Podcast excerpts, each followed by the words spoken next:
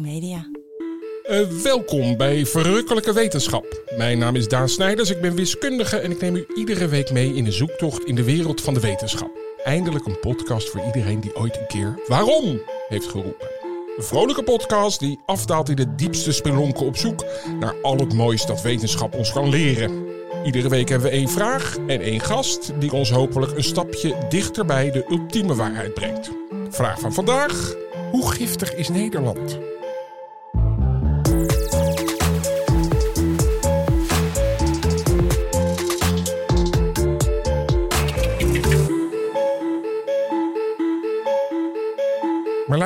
Ja. even voor de vuist weg. Ja? Je kan meerdere kanten ermee op. Ja. Hè? Hoe giftig is Nederland? Waar zit jij aan te denken? Eh, ik denk meteen aan gif in de grond. Ja, dat is ook wel een beetje de bedoeling. Maar je zou het ook aan dieren bijvoorbeeld, of, of in de lucht kan ook gif zitten. Dus dat Ja. gaan we allemaal even onderzoeken. Ja, en wat is gif eigenlijk? Wanneer is iets giftig? Ja, dat bedoel ik. En dat is waarschijnlijk voor iedereen verschillend. Nou ja, ja dat denk ik ook. Hey, ik, ik, eh, ik moest aan giftig eten denken. Ken jij giftig eten? Paddenstoelen. Ja, vind ik wel een goeie. Ik heb het over de kogelvis. Je kan in Japan een tweejarige opleiding volgen om kogelvis te bereiden. Kogelvis is hartstikke giftig en een kleine fout in de bereiding kan fatale gevolgen hebben voor de nietsvermoedende eter. Volgens officiële cijfers zijn de afgelopen 10 jaar 23 mensen gestorven door het eten van een verkeerde bereide kogelvis. En toch eten die Nou, Japanners en wij ook. Je kan het ook in Nederland eten. Ga je dan toch niet je leven aan wagen? Eh, kogelvis is het enige gerecht waar de Japanse keizer zich nooit aan heeft durven wagen. Eh, delen zoals de eierstokken, lever en galblaas zijn oneetbaar. Die bevatten de giftige stof tetrodotoxine. Toxine, dat is natuurlijk gif. Als je dat binnenkrijgt, raak je langzaam verlamd. Eerst je mond en dan de rest van je lichaam. En uiteindelijk je vitale organen. Klein detail. Tot aan de dood blijf je bij bewustzijn. Heel klein detail. Nou, die hebben we gelukkig niet in Nederland. En eh, wat je al zei, hoe giftig is Nederland? Dan zullen we het inderdaad vooral over de, de bodem, wat we zelf er allemaal in gestopt hebben. En eh, nou ja, is, is het nog wel eh, leefbaar op deze manier? En misschien kunnen we er wat aan doen. Dat zou helemaal mooi zijn. Ja, Eh, dan fantastisch. introduceer ik even onze gast. Die kan er vast wat meer over vertellen. Onze expert deze keer is ecotoxicoloog professor Annemarie van Wezel. Zij is hoogleraar Environmental Ecology bij de UvA en directeur van de UvA Instituut voor Biodiversiteit en Ecosysteemdynamica, het IBED. Ze studeert biologie, studeerde biologie in Utrecht en promoveerde daar in 1994 op milieueffecten van narcotica-residuen. Welkom. Dankjewel. Eh, hoe giftig is Nederland? Dan, dan, wat, wat, dat is een beetje een algemene vraag. Wat, wat denkt u daar zelf dan bij van eh, de, de- waar ik daarmee naartoe wil? Nou, dat gaan we ontdekken in deze podcast. Ja. Is het vooral de, de grond? Is, is, dat, is dat het grootste probleem? Of, of is, is het overal? Het is overal. Ze zijn overal de, de chemische stoffen die we gebruiken. Want toxisch is vaak, dat komt door chemische stoffen. En die vind je in de bodem, in het water, in onszelf, in, in ons bloed en al onze organen. In de beesten en planten die in het, eh, die in het milieu zijn, in de lucht, in ons eh, drinkwater, in ons voedsel, eh, op onze jassen, in ons behang. Eh, nou ja, kijk om je heen. Alles wat je ziet, overal zit wel een klein beetje gifstof in. En dat is eigenlijk sinds de industriële revolutie of zo? Sinds we dit soort stoffen op grote schaal zijn maken en gebruiken. Mhm. Ehm, en dat is inderdaad sinds de jaren 50 eh, zo'n beetje gestart. Daarvoor ook al wel een beetje.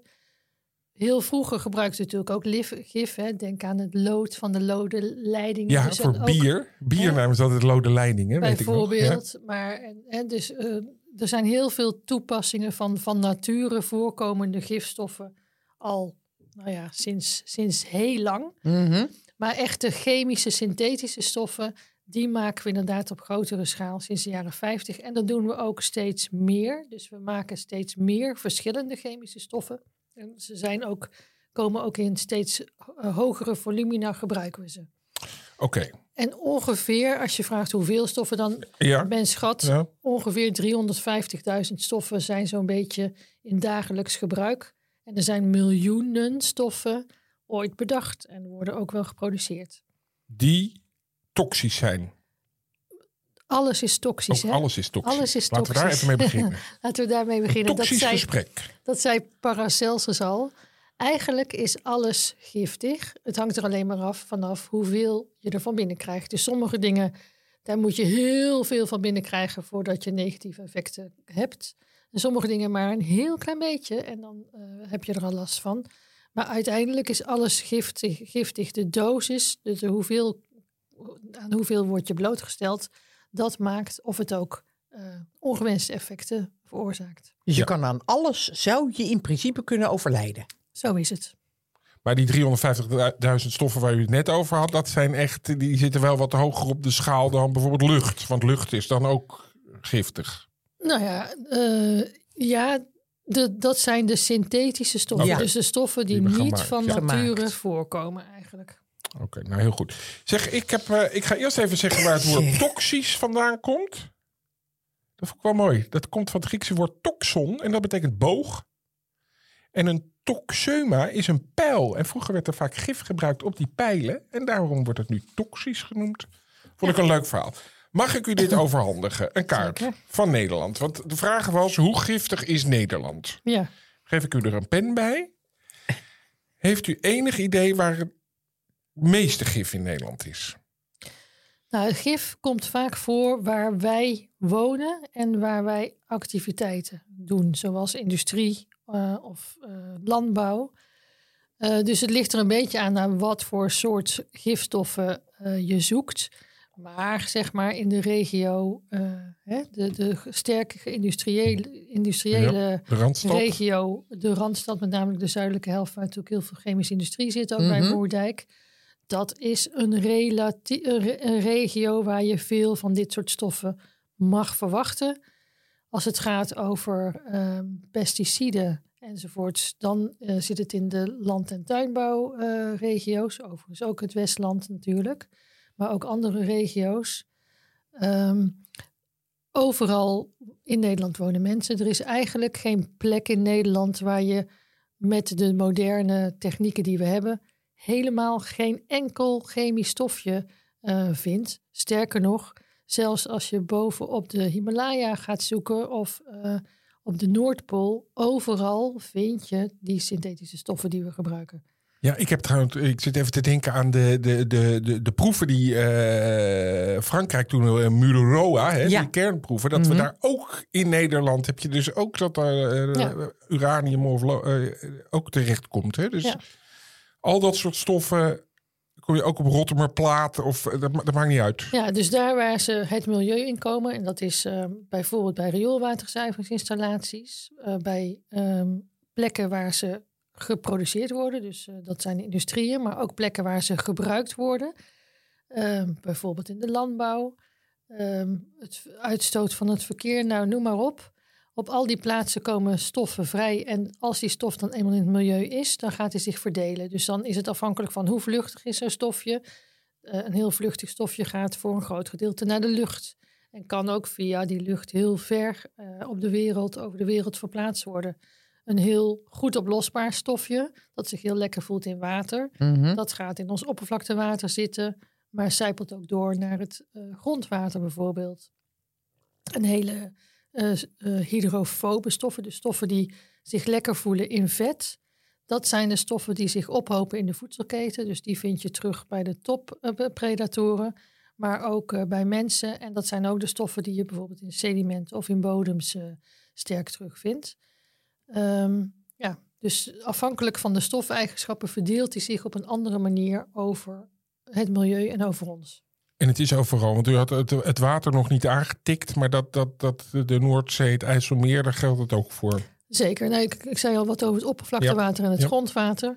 Dus eh, nou ja, wij zijn natuurlijk een delta. Dus uit het buitenland komen eh, Oh ja, stromen stoffen zo, eh, bij ons naar binnen. Maar wij voegen ook heel erg veel zelf toe. En inderdaad, dat gaat dan deels naar het grondwater. Want oppervlaktewater en grondwater zijn sterk gekoppeld in Nederland. En gaat uiteindelijk natuurlijk ook weer naar de zee. En ook de Waddenzee, dat mooie natuurgebied. Ja. Hey, we krijgen meerdere vragen binnen, Marlijn. Onder Oh. andere van mevrouw Den Burg uit Lisse. En die zegt, Is dit wel erg? Nou, dat vind ik wel goed. De relevantie daarvan. Van, eh, de, de, de, de- het is overal en het ligt overal, maar we kunnen er prima op leven. Dus hoezo is dat vervelend? Ja, nou, we worden met z'n allen steeds ouder. Hè? Dus eh, we gaan er niet, we vallen in, in het algemeen niet eh, aan om. Nee. Ehm, is het erg? Nou, we zien wel dat er in het milieu natuurlijk heel veel achteruitgang is van biodiversiteit. Dat wordt ook wel geweten aan al die stoffen. Dat weten we eigenlijk niet zo heel erg goed hoe, eh, wat, wat, er, wat het belang daarvan is. Er zijn wel modelstudies en er is in eh, Europese wateren gekeken en is ingeschat naar ongeveer een kwart van het verlies van, van natuurkwaliteit is wel te wijten aan eh, dit soort stoffen. We weten bijvoorbeeld dat vissen kunnen vervrouwelijken. Ehm, er zijn allerlei effecten ook op de mens. Hè. Dus eh, bijvoorbeeld eh, neurologische aandoeningen worden er wel aangeweten. Het feit dat we met z'n allen toch ook eh, steeds meer obese worden, Mhm. wordt er wel aangeweten. Dus het is wel, ehm, eh, het is wel te verwachten dat die relaties er zijn. Het is wel vrij lastig om die heel hard vast te stellen, omdat we zoveel verschillende stoffen hebben en ook nog zoveel andere milieudrukfactoren. Maar obesitas zou door vervuiling kunnen komen? Daar zijn wel aanwijzingen voor. En bijvoorbeeld denk aan de, de welbekende PFAS, hè, de perfluorverbindingen waar het vaak Ken jij over die gaat. Marlijn, de PFAS? PFAS, Ja. dat eh, zit eh, in Zeeland eh, Bij de, ja, bij, bij bij de 3M-fabriek. Gemoer. Ja, Gemoer is in Dordrecht Oh ja. en in Antwerpen is de 3M-fabriek. En dat zijn Ja. inderdaad bronnen van PFAS. Maar die PFAS zit ook in allerlei producten die jij thuis eh, gebruikt. Dus ook daar komt dat eh, vrij. Ja, dat is alles geloof ik wat eh, waterafstotend is. Of, vetvrij. ja. Of, Dus of het is een belangrijke stof dat ook allemaal. daarvoor. Ja. Ja. er zijn ook andere stoffen worden daarvoor gebruikt, maar zeker ook die PFAS. Ehm, nou ja, daarvan blijkt uit epidemiologische studies bijvoorbeeld dat kinderen die gevaccineerd worden en hoog zijn blootgesteld aan PFAS een minder goede eh, reactie hebben op dat vaccin. Dus zo wordt er vaak in epidemiologische studies gezocht naar een verband tussen nou ja, hoe gezond mensen zijn of ook hoe gezond ons ecosysteem is en de blootstelling aan stoffen. Maar dat is altijd een correlatie. Hè? Daar kan je nooit precies van zeggen, ja, het komt er echt Nee, dat voor, want- causale verband. Precies. Dus daarom doen we dan ook in de laboratoria vaak allerlei eh, toxicologische proefjes. Soms met proefdieren, maar dat willen we natuurlijk zo veel Mhm. mogelijk vermijden. Eh, heel vaak met celsystemen.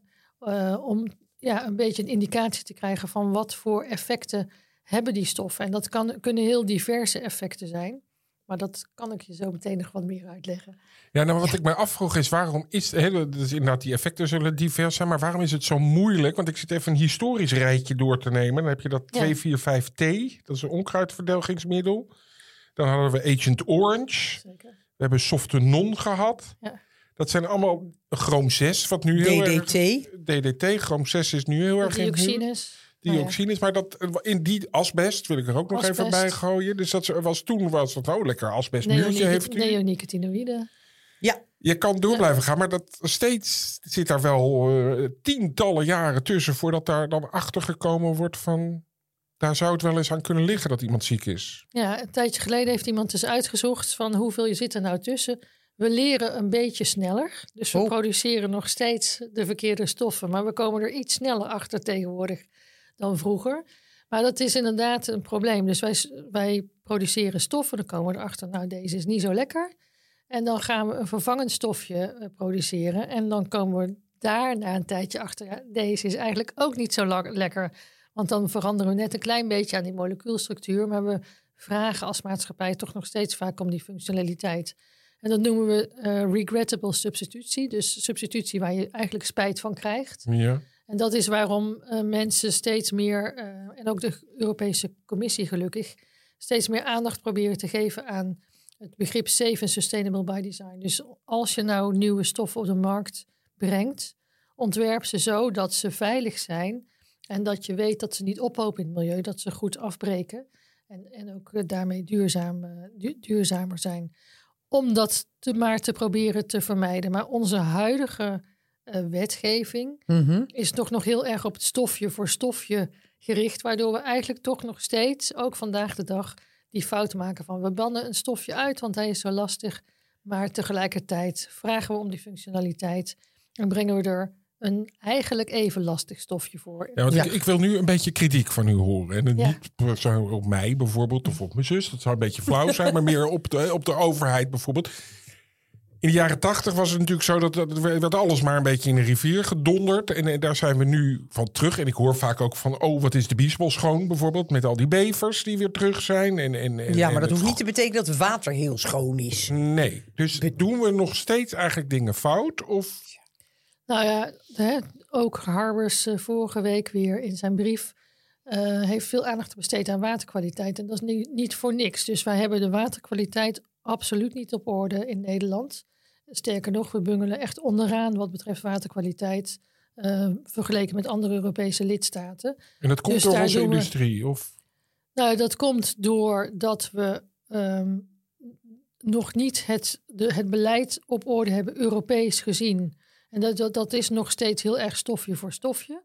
Er zijn heel veel vers- verschillende beleidskaders waarin die stoffen eh, worden getoetst. Dus dat industriële stoffen, geneesmiddelen, diergeneesmiddelen, pesticiden, biociden. Eh, en dan veronderstellen we vaak, hè, dan wordt zo'n stof toegelaten. Dan wordt er best een dossier inmiddels eh, moet de industrie een, industrie een dossier aanleveren over hoe giftig is die stof, wat doet die als het Mhm. eenmaal in het milieu is. Maar dan houden we eigenlijk nog heel weinig rekening mee met het feit dat het milieu al die andere stoffen en al die andere gebruiken ook eh, ja, en eh, allemaal bij heeft. elkaar. Ja. Dus dat cocktail-effect maken we, dat, daar houden we nog weinig rekening mee. Dus dat is over zeg maar de systematiek waarmee wij die stoffen toelaten in onze maatschappij. Wat ik net uitlegde van Safe Sustainable by Design is een heel mooi beleidsvoornemen. En er wordt nu heel hard gewerkt, ook in de wetenschap.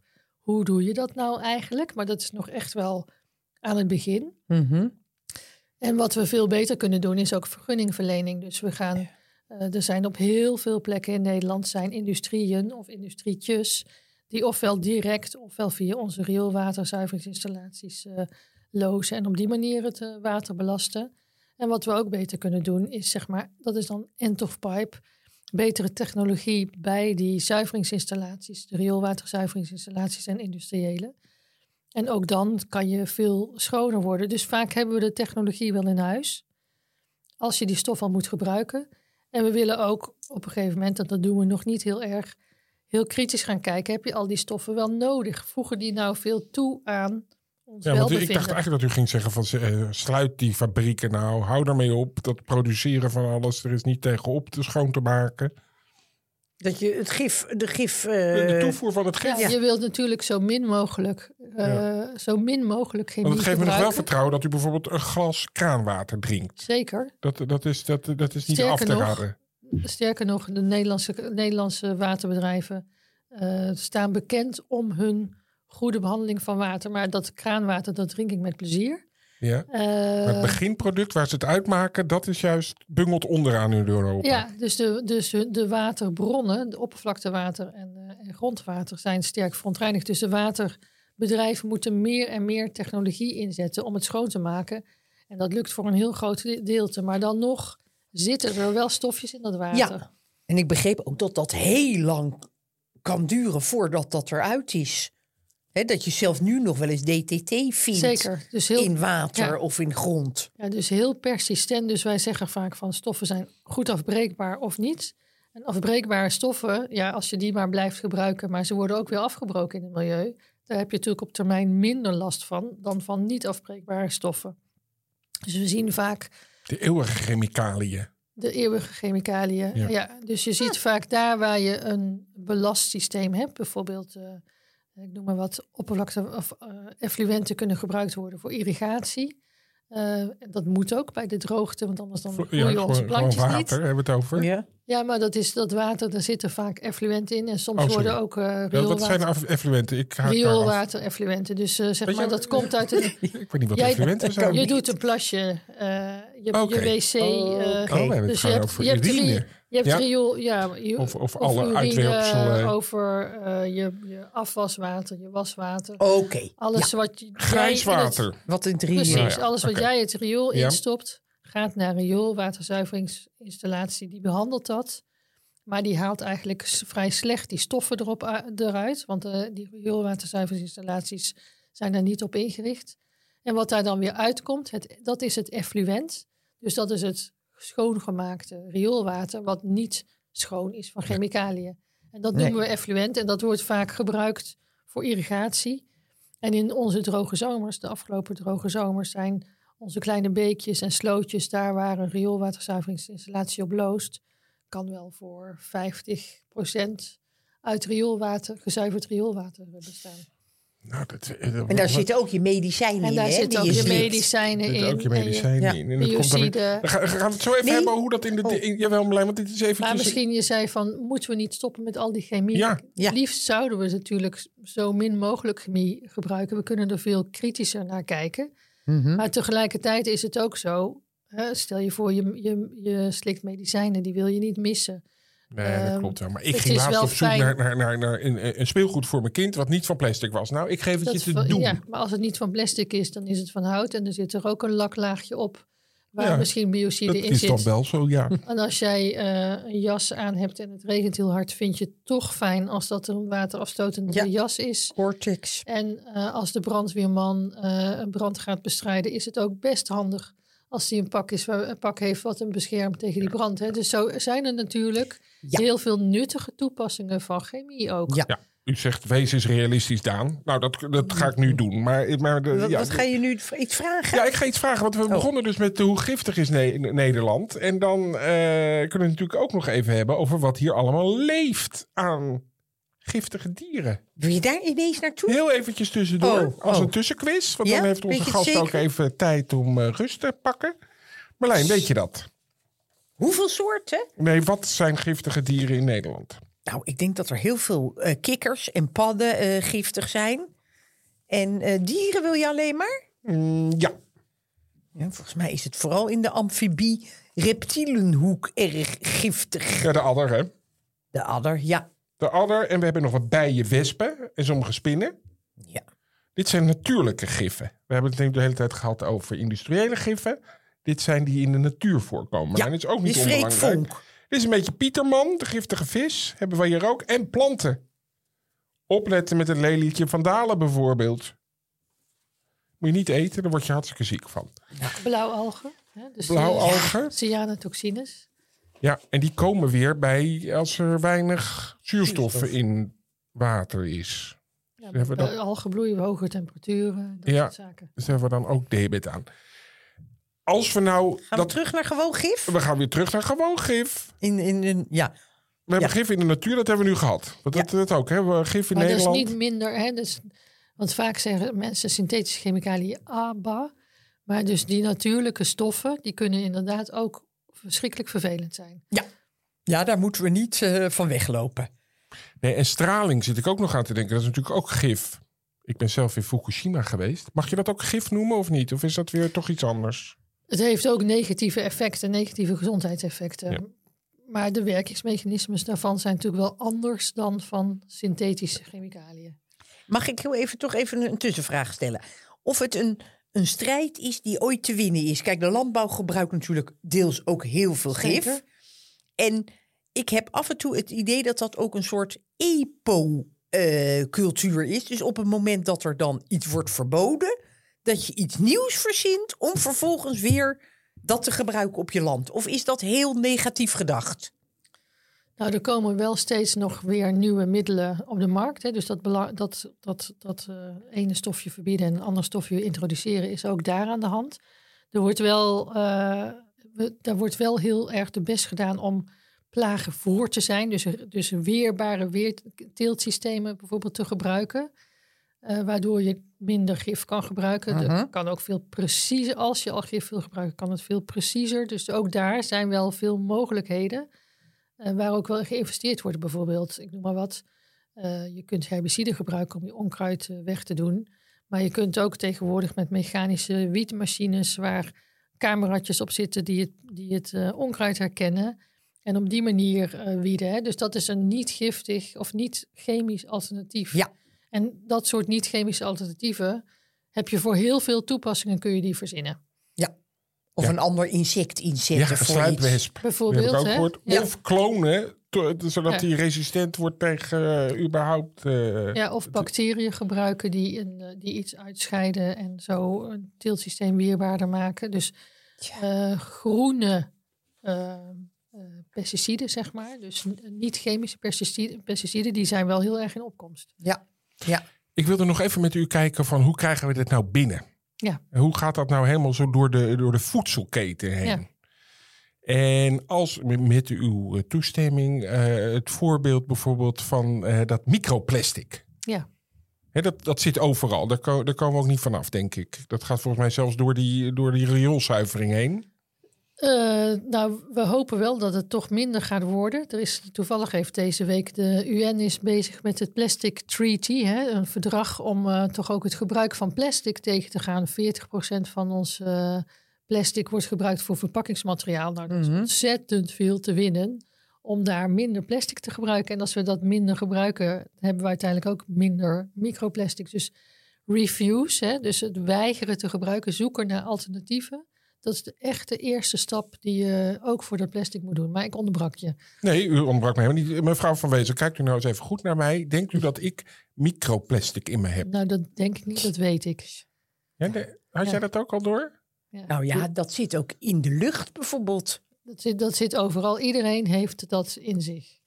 En dat is gewoon ooit gefabriceerd. Een plastic tasje. Ja, er is heel veel plastic. Of in wordt nog steeds, zit het geloof ik eh, ook wordt zo. nog steeds nou, we gebruiken plastic voor heel erg veel toepassingen, net als die chemie.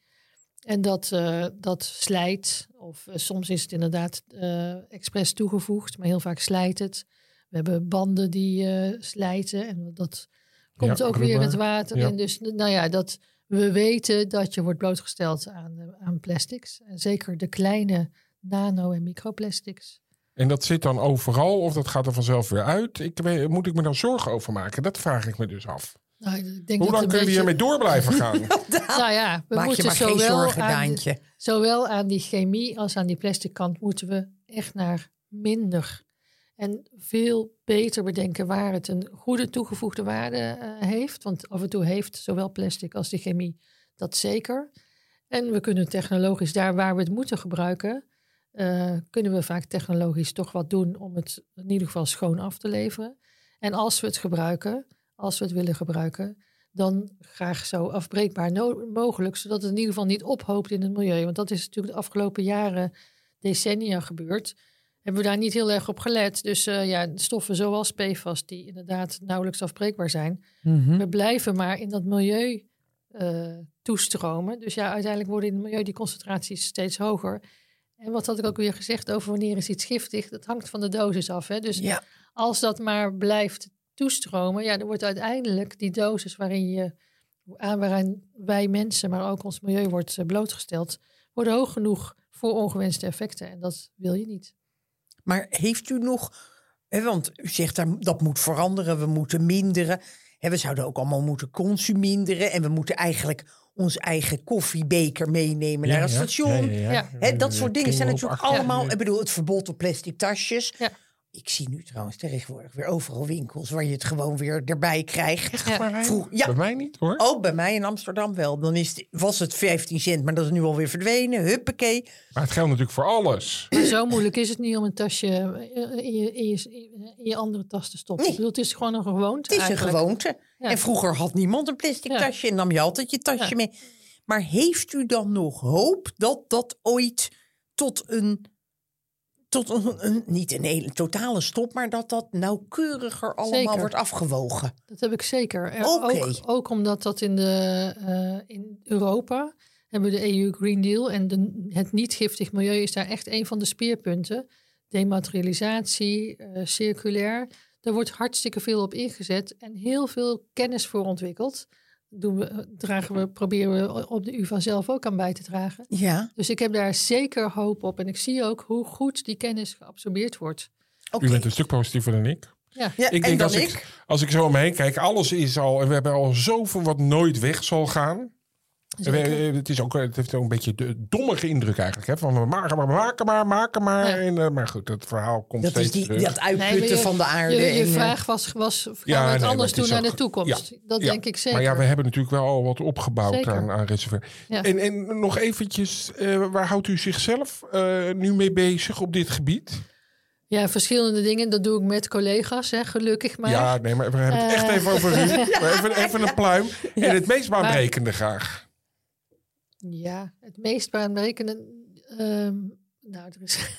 moet je dat nooit vragen. Dat is- Want dan gaan mensen een uur nadenken over Nee, wat. Iets, dat is echt flauw. Nee, waar bent u mee bezig? Nou ja, wat, wat wij doen, wij doen onderzoek aan, dus inderdaad die PFAS. Dus eh, we kijken we, eh, en dan met name de korte ketens, want in het verleden is veel aan de lange, ke- de PFAS met lange ketens eh, ge- gewerkt.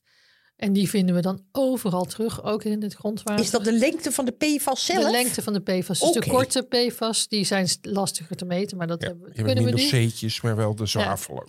Dus dat is Ah. een voorbeeld, een, eh, de, eh, de fluor. Fluor, sorry. Eh, zwavel.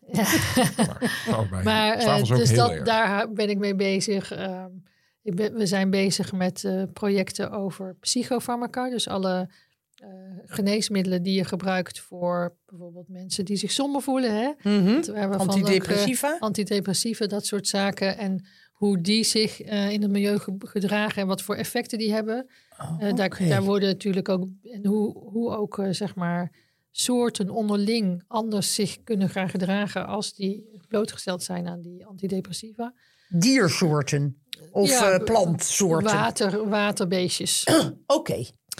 Eh, we zijn bezig met waterhergebruik. Dus eh, omdat we die droogte hebben, willen we water hergebruiken. Zoals voor irrigatie, maar ook voor Mhm. drinkwaterproductie of nou ja, allerlei toepassingen. En wat gebeurt er dan eigenlijk bij dat hergebruik? Ga je dan niet steeds maar toch accumuleren? Ja.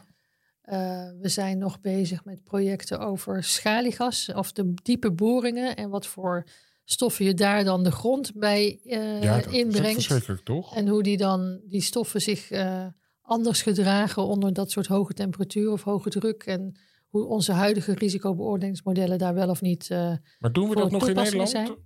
Schaliegas is toch we in Amerika? hebben wel in Nederland hebben we wel lagen die heel erg vast zijn.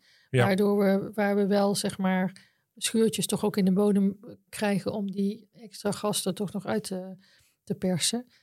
Ehm, we zijn bezig met projecten over veilig ontwerp van, van stoffen. Hoe doe je dat nou eigenlijk? Ja. Eh, nou Doet u ook dingen bij bijvoorbeeld bij zo'n zo'n schoorsteen van een fabriek? Dat u zegt van daar moet iets bovenop. Ja, voor dat, Nou, het- het- nog niet, maar Tata Steel. wel. Dus wat gebeurt er eigenlijk met de, met de vuilverbranding? Eh, wat voor metabolieten ontstaan daar? We zijn ook veel bezig met het ontwikkelen van ehm, manieren om dat allemaal te kunnen meten. Niet alleen die moederstoffen, maar als die moederstoffen eenmaal in het milieu zijn, of in zo'n verbrandingsoven, of in jouw lijf, of eh, de zon komt erop, dan gebeurt er ook wat mee. En dan ontstaan er transformatieproducten die ook weer heel giftig kunnen zijn.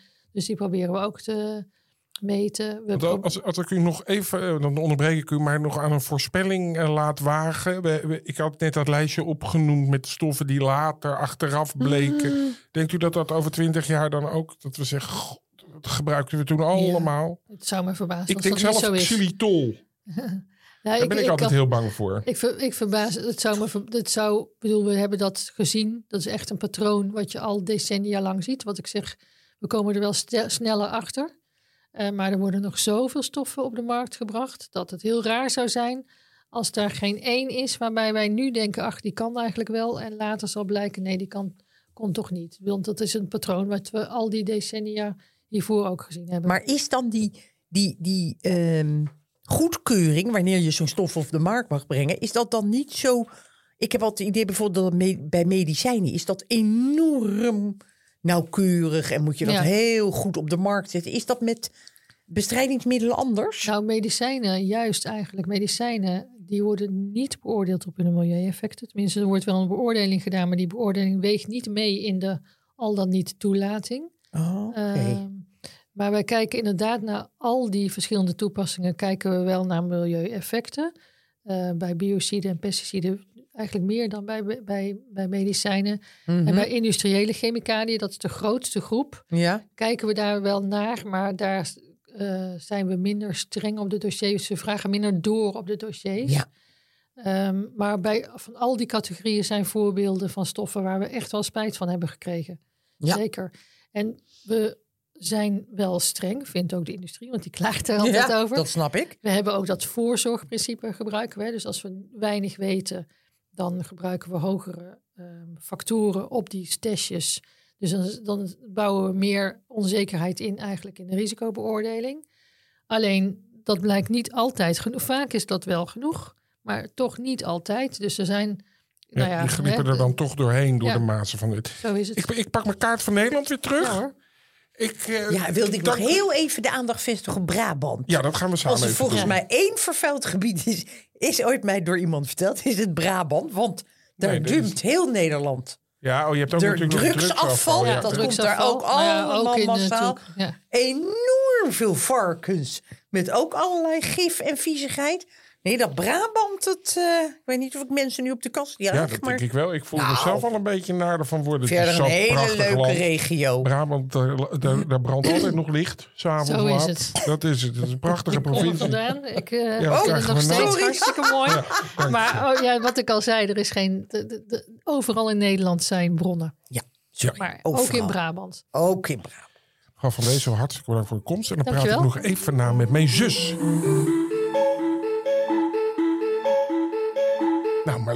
Fantastisch. Ja, Ja. het was een, een beetje andere uitzending dan anders. Het was, het, het was wat meer, eh, ja, eigenlijk over het milieu. Daar hebben we het eigenlijk nog helemaal niet over gehad.